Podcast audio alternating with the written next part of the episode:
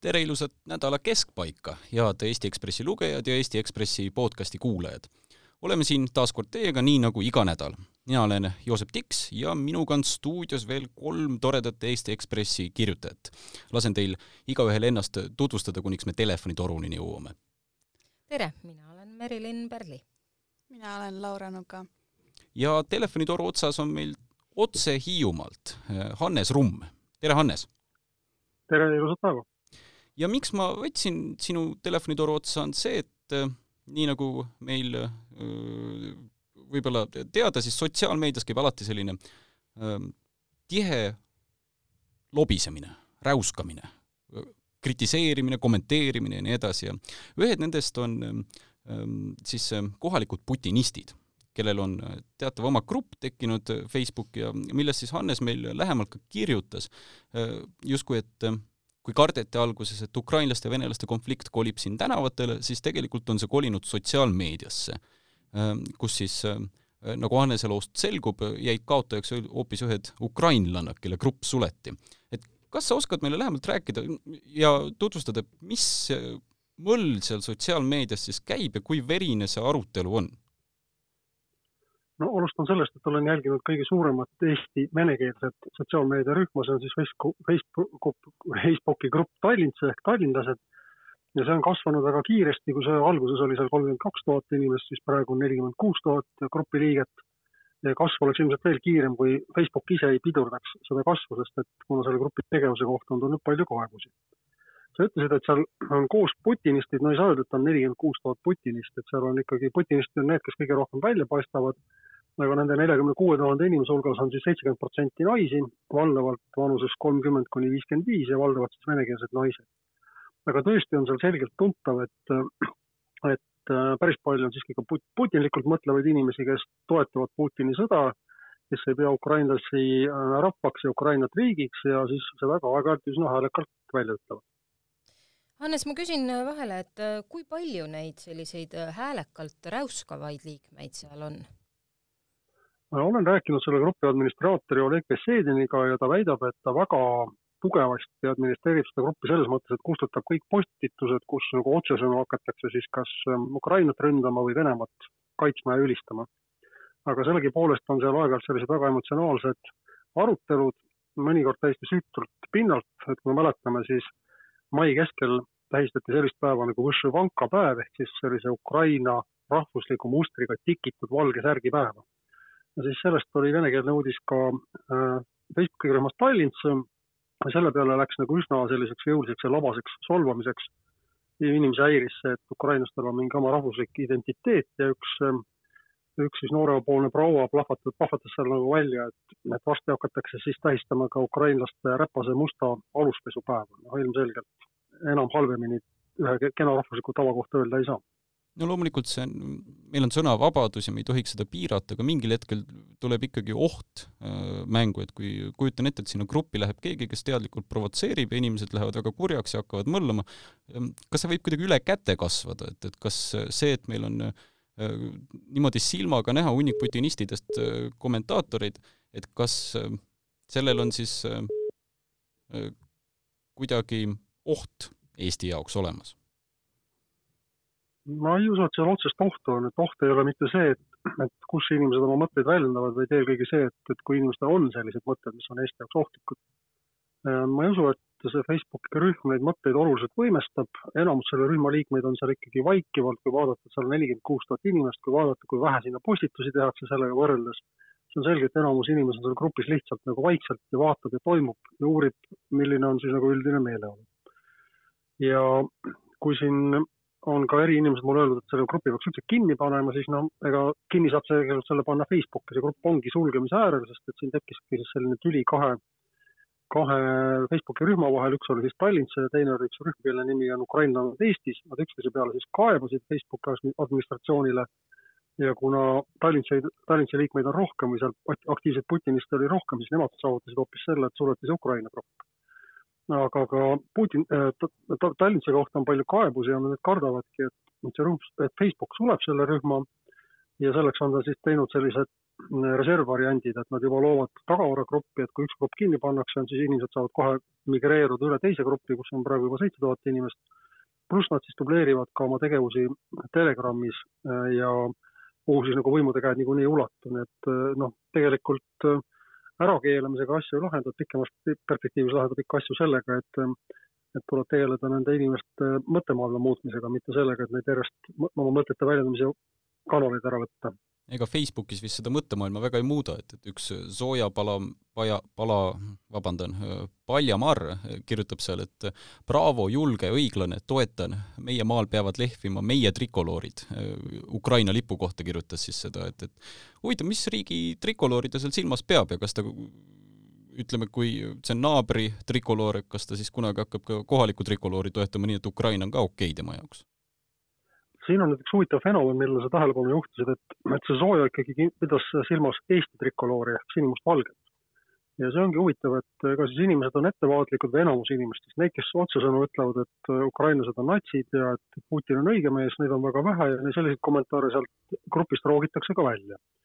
aga siis on tekkinud nagu selline salakeel, et, et kuna need Ukraina lipud tõesti putiniste häirivad, et, et, et neid on Eestis nii palju, nad on kõikjal, nad on tänavapildis, nad on meedias siis nad hakkavad, ongi hakanud ajama sellist juttu, et, et kus me siis nüüd elame, kas me elame Ukrainas või Eestis, vot Eesti riigis peab olema ikkagi sinimustvalged lipud igal pool väljas.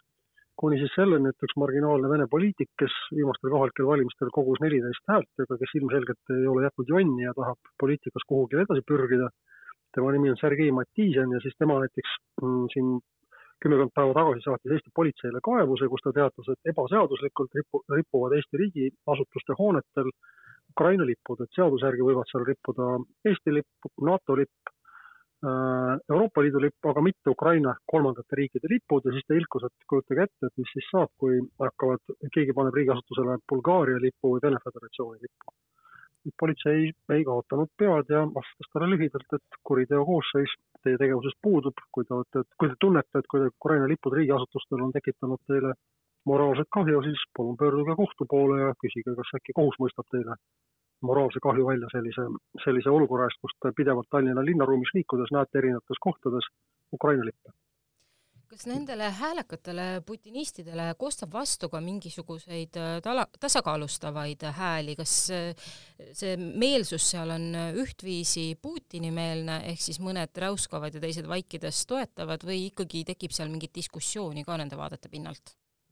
Ja seal on ikka diskussiooni ka, aga ma ütleksin, et rohkem motiveeritud on putinistid kui antiputinistid, et ikka aeg-ajalt äh, äh vaatasin just, et, äh, et äh, augustis tuleb Tallinnasse ja Jõhvisse esinema äh, Venemaa üks viimase kahe aastakümne suurimaid popstaare Mihhail Kalkin, kes on siis alustas ta parodisti ja näitlejana, nüüd on ta suur telesaatejuht ja, ja järgi on talle siis tähelesära lisanud see, et ta on ka Venemaa läbi aegade kõige populaarsema poplaulja Alla Pugatšova abikaasa ja, ja kui siis uudis selle kohta tuli, et ta tuleb Tallinnasse ja, ja Jõhvi esinema, siis, siis olid ikka üsna palju sellist räuskavaid kommentaare, et ta on rah-, oma rahva reetur ja, ja kes tahab ikka kuulata neid kontserte, millel, milles peedistatakse siis Putinit ja narritakse tema sõda Ukraina vastu.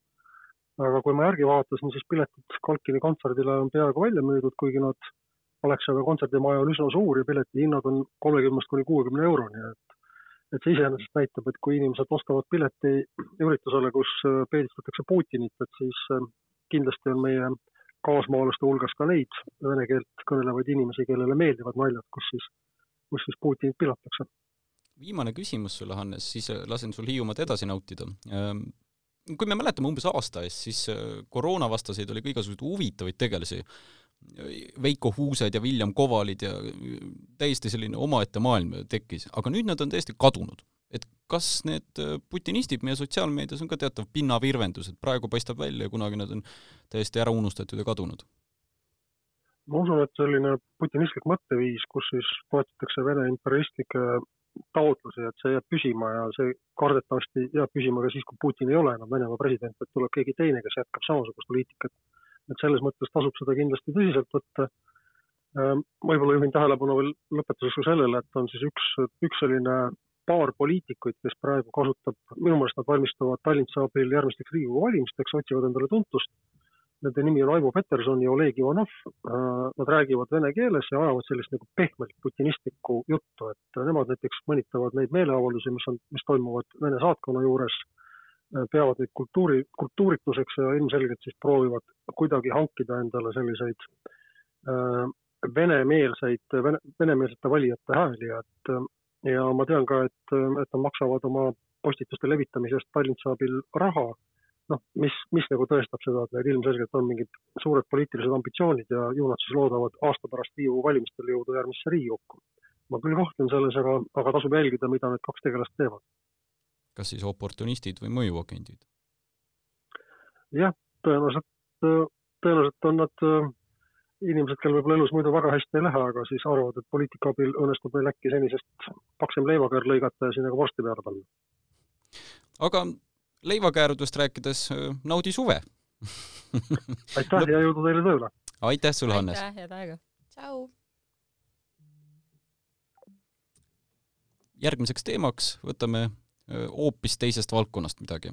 Laura, käisid meil siin üks päev üürikorterit otsimas. kas sa käisid Tallinnas, Tartus, mis linnas sa käisid, et noh, kui ma nüüd pikemalt lahti selgitan selle, siis ma saan aru, et sa võtsid endale eesmärgiks kolmesaja viiekümne euro eest, mis peaks olema see üür, leida üks korter ja kukkusid täiesti läbi selles. jaa, ma, ma üritasin olla tudeng, kes otsib korterit, sest et äh, tudengi rahakott on väiksem. ma tegin seda Tallinnas ja noh, tulemused olid ikka päris kurvad, sest et ma ei leidnud korterit no ühest korterist lugesin, see oli sul seal ähm, kuskil Männikul keldris, äh, valgust nagu eriti ei olnud, äh, vetsuv hais käis üle ja maakler üritas iga hinna eest veel seda kuidagi sõnadega ilusaks maalida. jaa, ta, ta oli väga noh, tal on raske tööpind ees, muidugi ta üritab seda iga hinna eest maha üürida, ta rääkis, et äh, seal oli niisugune diivan, mis oli kile sees, ta ütles, et oh, et noh, siin ei ole väga hubane, aga no mis siis, see on nii uus koht ju, värskelt renoveeritud, kõik asjad on uued, kõik pliidid ja röstrid ja kõik on värskelt ostetud, aga kempsu hais seal korteris ikka käis üle pea, et see tema ilus jutt ei aidanud midagi. oled sa nüüd tagantjärele vaadanud, kas see korter on juba üüriturult kadunud või otsib endiselt üürnikku? Viimati, kui ma vaatasin, siis see oli ikka alles seal äh, on rohkem kui üks korter, mida ta üritab üürida.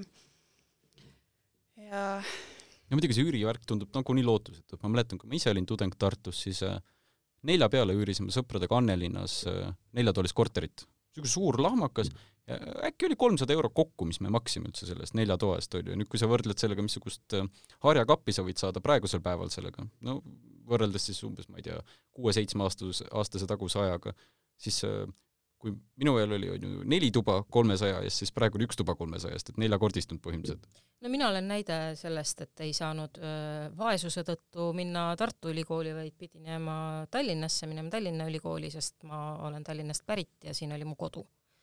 et ei olnud lihtsalt raha, et teises linnas üürida ükskõik mida no ega need variandid, ma saan aru, nii või naa kitsad, et sa kirjutad loos ka seda, et eh, noh, kui me mõtleme tudengite peale, siis mõtleme tavaliselt ühikate peale, et ega see ei ole ka variant, et ühikad mm. saavad väga kähku täis. jaa, ühikad, mõned on juba täis ja teised ootavad, et vanad õpilased ütleks, kas nad jäävad sinna või ei jää. ja no mõni noor arvab ka, et isegi ei ole mõtet sinna proovida saada. põhimõtteliselt nagu malevasse kohta saada. no umbes nii, need on ka täiesti täis, on ju, aga noh, malevas, okei okay,, see on selline lõbu, on ju, ja suvel aja veetmine, aga kui sa lähed ülikooli, sa pead kuskil elama. jaa, aga noh, malevas siiski äh, alaealised üritavad omale taskuraha teenida, mis on täiesti arusaadav ja kuskilt sa pead oma töökogemuse ju saama. no eks maleval on alternatiivid olemas, igale poole võid Selverisse ka kandideerida ilma malevat ja nii edasi, aga mis alternatiiv sul on elukohale, Kuusk või? Tutvused. võib-olla leiad mõne juures väikse põrandapinna või midagi. üks näiteks elas aasta aega kellegi põrandal Marratsi peal, sest et äh, ta üüris korteri, mis pidi saama valmis selleks ajaks, kui kool algab, aga see ei saanud valmis, siis see venis ja venis ja venis, tal ei olnud kusagil elada aga mis see nagu lahendus oleks, sest praegusel hetkel tundub küll täiesti peaga vastu seina või kuidagi selline lõpp, lõputu tupik, et nii Tallinn, Tartu kui ma saan aru ka Viljandi vahet ei ole, missugune linn või kui suur linn on, täpselt sama häda sees, et tegelikult ei ole tudengitele ja ma arvan, et ka mitte ainult tudengitele, vaid ka paljudele teistele ei ole elamiskohta. ja kõigil ei ole rahakotti niimoodi taskus, et saaksid kohe ju korteri ostmisel sissemaksu, ma ei tea, kümme tuhat, kakskümmend tuhat, palju see summa on, ära maksta mm.. ja kõigil ei ole võimalus paremat töökohta ka kohe saada. Lähed, võtad pangast laenu ja hakkad viiesaja eurost korterit üürima. No puhtalt sellepärast on ju, et jah, kallimalt saada kuidagi kuskil, et õppelaenuga, ma arvan, mis see on, kolm tuhat eurot saad võtta äkki seda õppelaenu, noh, mõne kuu ajab ära sellega, aga mis sealt edasi, see on juba küsimus. vahepeal vabaneb midagi ja no kui ma mõtlen, võtan, noh, isegi kui mitte ainult tudengitest rääkides, ma mõtlen üleüldiselt Eestis, et äh, võtame, et äh, kolmsada viiskümmend eurot, see on selline kõige minimaalsemate tingimustega korter, kus jeeli-jeeli on kõik asjad olemas, aga hästi kitsas on ja see on keldris. Et kui võtta näiteks, et alampalk on juba, vaatasin välja, on kuussada viiskümmend neli eurot no üüri saad ära maksta selles korteris, kui on suvi ja talv ei ole käes, et veab kommunaalidega, siis noh, ikkagi sisuliselt kogu palk kulub selle peale, et üks korter endale üürida. ja keskmine palk on umbes tuhat viissada eurot, noh, ega sellega ka umbes kolmandik palgast läheb kõik üüri peale, kui sa ei taha nagu paremaid elutingimusi. ja tudeng tegelikult teenib veel vähem, sest et tal ei ole aega käia täiskohaga tööl, ta teenib, teenib tunnipalka, mis on kolm koma kaheksa eurot tunnis ja. selle vaidluse juures või selle poleemika juures käib meil ju tegelikult diskussioon selle üle, et kas peaks äh, kõrghariduse taas tasuliseks muutma, mis tähendab, et äh, kõrghariduse omandamine muutuks veel kallimaks. no sisuliselt seal on kaks piirangut, on ju, et noh, hakkab üha enam tunduma, et kõrgharidus on jõukate pärusmaa. sellepärast, et esiteks äh, sa ei, kui sul pole kodu, siis sa ei saa kuskil kõrgharidust omandada. kujutame ette, et tulebki kuskilt noh, Paidest või Pärnust või Järvamaalt äh, ja sul on vaja elamispinda Tartusse, Tallinnasse, Viljandisse, et äh, õppima minna. ja, ja, ja kui sul ei ole jõukaid vanemaid, kes selle kinni maksaks, mis teed? no tegelikult vanasti ju tudengid valdavalt elasid ühikates, et äh, ma arvan, et lihtsalt äh, ülikoolid võiksid äh, mingisuguse, ma ei tea, PPP projektina või, või mingi teise lahendusena lihtsalt äh, initsieerida võib-olla täiendavate ühiselamute rajamise, kaasaegsete, mitte selliste, kus noh, ma ei tea, kaheksa inimest toas et barakke pole vaja, jah ja.? aga paljud ei taha elada teistega koos ühes toas. sellepärast ma räägingi kaasaegsete, et sinna võib ju teha sisuliselt ka ühe või kahe inimese tube. see on ka ikkagi kellegiga koos elamine, kui sa oled hästi suur introvert, siis see on ka juba liiga palju. noh, kui sa saaksid selle kolmesaja euroga, siis võib-olla õpid sotsialiseeruma ja neelad alla selle vajaduse privaatsuse järele. kui häda on käes, siis jah. no introvertsus on luksus järelikult aga raha teenimisest rääkides, siin õrn teemavahetus on ju, Merilin kirjutas meile OnlyFansist. no kui ma nüüd ise üritan kokku võtta, mis asi see OnlyFans on, siis see on nagu sisuliselt pop-up porno, ma saan aru, et igaüks teeb, kes tahab, teeb endale konto, hakkab palju pilte panema ja siis, või videosid ja siis küsib raha selle eest.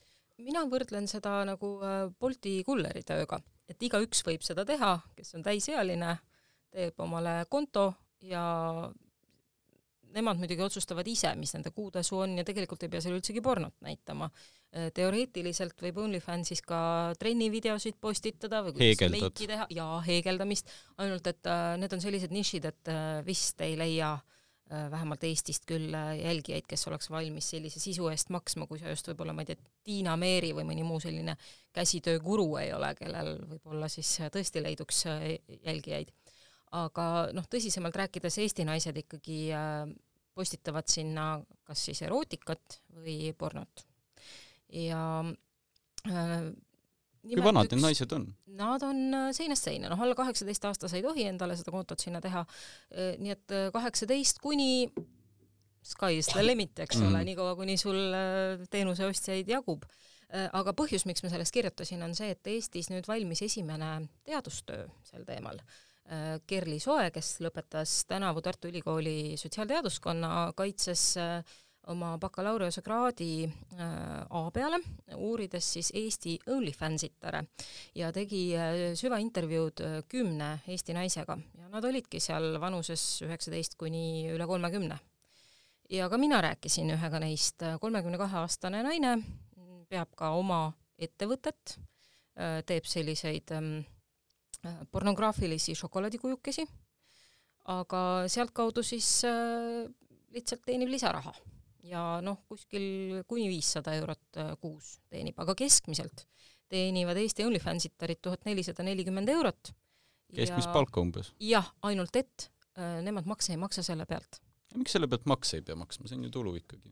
on, aga nad ei deklareeri seda, see tuleb neile oma krediitkaardi peale ja ilmselt ei ole Maksuamet veel avastanud seda. mõned neist on samal ajal ka registreeritud Töötukassas, et neil ravikindlustus oleks kaetud.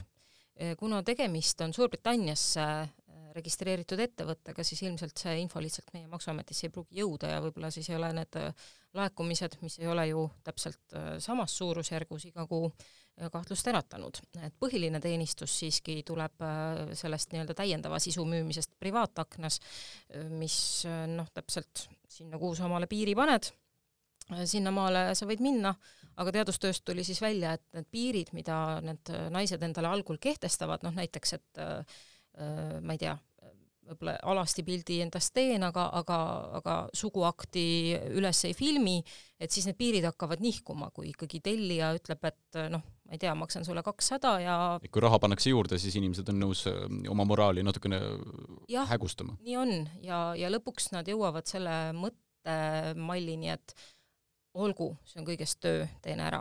ehk siis selline nagu tuimestumine tekib. ma just mõtlen selle tudengi perspektiivist, millest me enne rääkisime, et no raha ei ole, midagi on vaja teha, teed endale OnlyFansi konto, on ju, et kui eetiline see on, kui inimene on sellisesse situatsiooni surutud?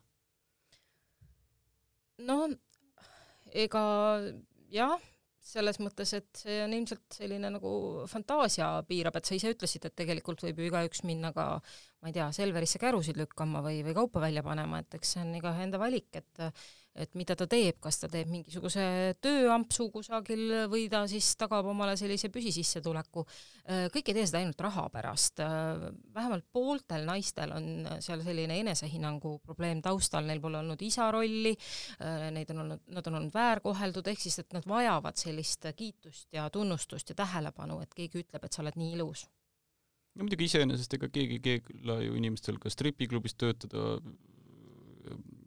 prostitutsiooniteenust osutada, no mida iganes, et selles mõttes alust kindlasti keelata seda ei ole, aga väga hägune on see seaduslik ruum, on ju, et ma saan aru, et see OnlyFans ise teenib äh, ka kakskümmend protsenti äh, tulu äh, kõikide kontode pealt, et, et kas see nüüd mingisugune deklareerimata tulu, mille puhul Eesti võiks ka nagu kolm kortsuta ja öelda, et äh, esiteks, kuulge, te teenite tulu, millest me ei saa midagi, ja teiseks, et kas see ei ole natukene nagu kupeldamine, et, et äh, ma ei tea, kas see on ebaseaduslik või mitte sellises situatsioonis? mulle isegi tundub, et see kupeldamine pigem läheb võib-olla seda piiri pidi, et äh, osadel naistel näiteks äh, elukaaslased on need, kes üldse lepivad klientidega kokku mida ja millise hinna eest tehakse aga, aga noh, jällegi naised ise ei nõustu sellega, et see oleks kuidagi kupeldamine või et üldse see tegevus äh, kuidagi prostitutsiooni meenutaks, sest nad ütlevad, et nad teevad seda vabatahtlikult, äh, nad saavad ise need piirid panna, nad ise otsustavad, äh, mida, palju, kui tihti nad postitavad ja nad saavad igal hetkel ise selle tegevuse lõpetada, kui tahavad.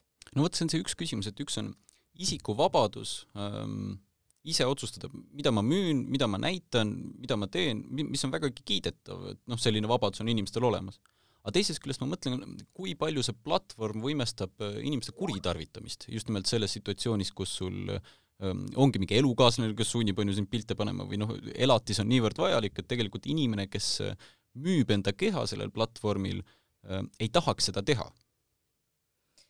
noh, see on vot selline eetiliste piiride küsimus, et kui palju võiks seda lubada ja kui palju peaks nüüd äh, valvet tõstma, et vältida olukordi, mis äh, ähm, on kahjulikud ühele inimesele?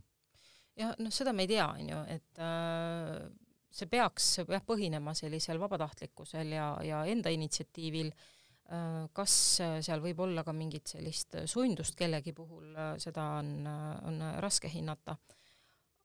aga mm. no Laura, kas keelaks või lubaks um,? mina arvan, et see on väga lihtne lõks, kuhu kinni jääda. kui sa kord alustad sellega, siis kas sa sealt välja ka saad? sa võid mhm. ju arvata, et sa võid selle iga hetk lõpetada, aga kas sa päriselt tahad selle lihtsa raha tuleku kinni panna? tegelikult seal oli veel selline nagu laiem probleem, mis sellest teadustööst äh, välja joonistus, nimelt äh, äh, see, et OnlyFans keskkonnana ja selle tegevusena normaliseerib pornograafiat ja lõpuks see hakkab äh, sööma kõike seda, mida naised on äh, feminismi võitluses enda jaoks välja võidelnud. ehk et äh, see tekitab tarbijates, nendes meestes, kes maksavad selle teenuse eest, tunde, et iga naine on mingi hinna eest müüdav, et, et see, see piir ongi seal, kuhu maale te nii-öelda kaubahinnas kokku lepite, eks ju. ja, ja et ähm, lõppeks äh, need äh, naised, kui nad käivad, eks ju, väljakutsuvalt riides näiteks, et, et siis seda nähakse jällegi niisuguse nagu ma ei tea, müügiaktina, sest see on see, mis, mismoodi me seal neid naisi näeme. et niisuguse järelduse tegi Kerli Soe oma bakalaureusetöös. ta muidugi kõlab nagu feministlik paradoks, sellepärast et ühest küljest kindlasti see võib mm, normaliseerida pornograafiat ja naise keha müümist, küll aga teisest küljest ma kujutan ette, et just nimelt sellest isikuvabaduse võtmest see ütleb, et naine võib ise määrata oma piirid, mis ta teeb, mis ta tahab, palju ta näitab, palju ta ei näita, et, et see on justkui selline keha autonoomia nagu tipptase. just, aga samas jällegi ta ütleb, et, et see kasvatab misogüüniat ühiskonnas. et, et seda kõike saab ainult raha eest. mis sa arvad, Joosep? kui naine müüb ennast ise vabatahtlikult kas ta siis on kuidagi vähem väärtuslik? ma ei tea, ma ei oska öelda, nagu Joosep, mind sa... ei huvita, ma pean tunnistama seda, et, et see on täiesti tema valik ja ise teab, mis teeb, et, et äh, ma ei ole kunagi, ma ei ole enda peas suutnud seda loogikat leida, miks keegi üldse ostab seda teenust, miks seda on vaja osta. Joosep, kas sa ostaksid, maksaksid sa no,? ei. viisteist, kakskümmend eurot kuus.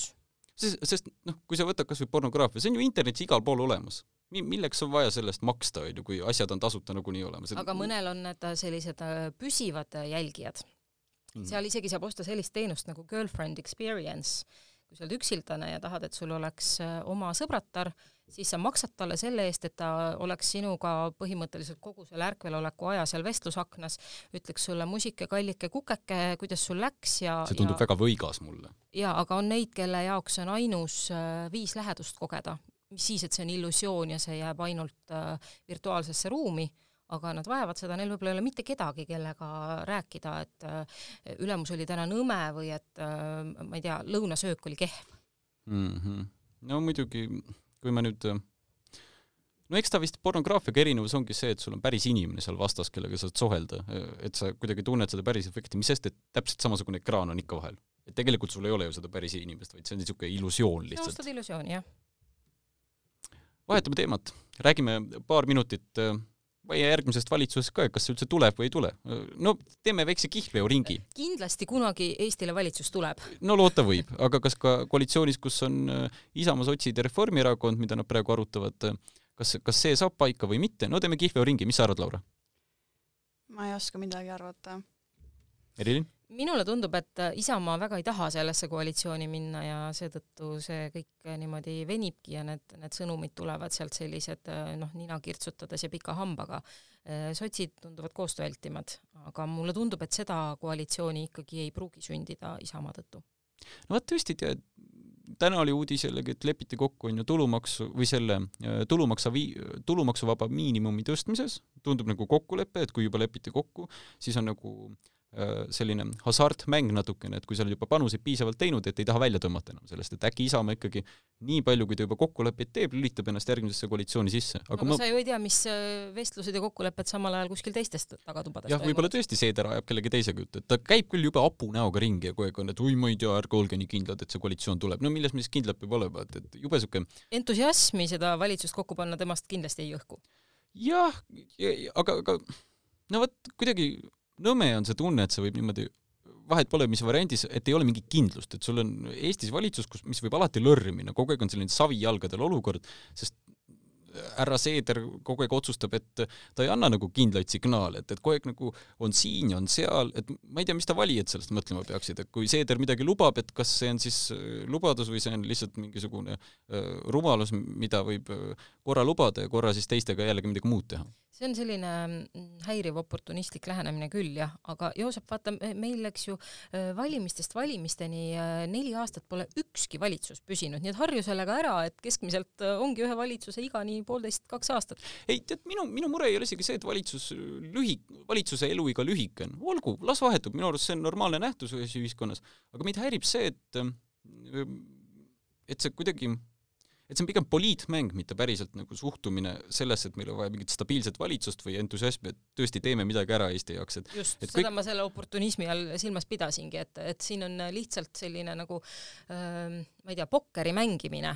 aga, aga mitte, mitte riigimehelikkus, ma saan aru, et see võib kõlada õõnsalt, aga üheksakümnendate valitsustes me nägime riigimehelikkust ja, ja see on see, mida mina juba tükk aega taga igatsen. jube kurb on, et äh, sellest on saanud mingisugune sõna, mis iseloomustab aegu äh, kakskümmend ja enam aastat tagasi. Tundub, tundub nagu infantiilne selline ahnus, et mis mina selle eest saan, oh kuulge, teeme selle lubaduse ära, selle lubaduse ära, selle lubaduse ära, et ma ei tea, ta on kuidagi kahe jalaga maast lahti, ei arvesta tegelikult reaalset olukorda. see on ju tänapäeva peegel, sest et äh, kas sa oled pannud tähele, et tänapäeval inimestel ei ole nagu moraale ja väärtuseid üldse? ma ei ütleks nii, minu arust võtame kas või viimase näite, Ukraina sõja, minu arust noh, terve Ida-Euroopa on järsku mingisuguse suure idee taha tõusnud, et et kuidagi selline kaootilisus on ära kadunud ja väga selgelt ollakse fikseeritud, et, et mis, mis tähendab üks riik või rahvus või, või mida peab inimene ühiskonnas tegema. Eesti valitsused läksidki siis rappa, kui enam seda suurt narratiivi ei olnud ja nagu isegi Taavi Rõivas võttis kasutusele toreda termini peenhäälestamine. no nüüd oleks juba ammu aeg peenhäälestamisest loobuda ja, ja minu meelest meil on siin suuri narratiive küll mille taha tulla, et äh, Kaja Kallas on äh, välispoliitikas äh, seda, seda suurt narratiivi väga selgelt ajanud, kogu see NATO ja Eesti kaitsetemaatika ja, ja Euroopas on ta ju vägagi pildil, aga siin kodus meil käivad ikka mingid liivakastimängud, et, et kas me nüüd toetame neid lapsi või me ei toeta neid lapsi ja kõik justkui taandub ainult sellele, et vot kui me seda raha nendele, sellele valijarühmale ei saa, siis meie ei mängi vot nii tore oleks, kui oleks valimised, saaks kuulda, et mida inimesed päriselt tahavad öelda ja mida need äh, ideeliselt esindada tahavad Eestis. aga see selleks, äh, me kohtume kindlasti järgmine nädal uuesti. Äh, Eesti Ekspress ilmub uuesti, podcast tuleb uuesti ja teiega oli tore, aitäh, et tulite stuudiosse ja loodan, et see suvi küll läheb natukene vähem leitsakuks, sest praegu on pisut jube, aga, aga et suvi iseenesest jätkub, et ei tule päris jope ilma ka nüüd taluma hakata. no loodame, et päris igasse randa sinivetikad ei jõua, see on minu äh, suurim soov. ja loodame, et sääsk ei tule juurde. head lootmised, kuuleme teist jälle, aitäh, head Eesti Ekspressi kuulajad!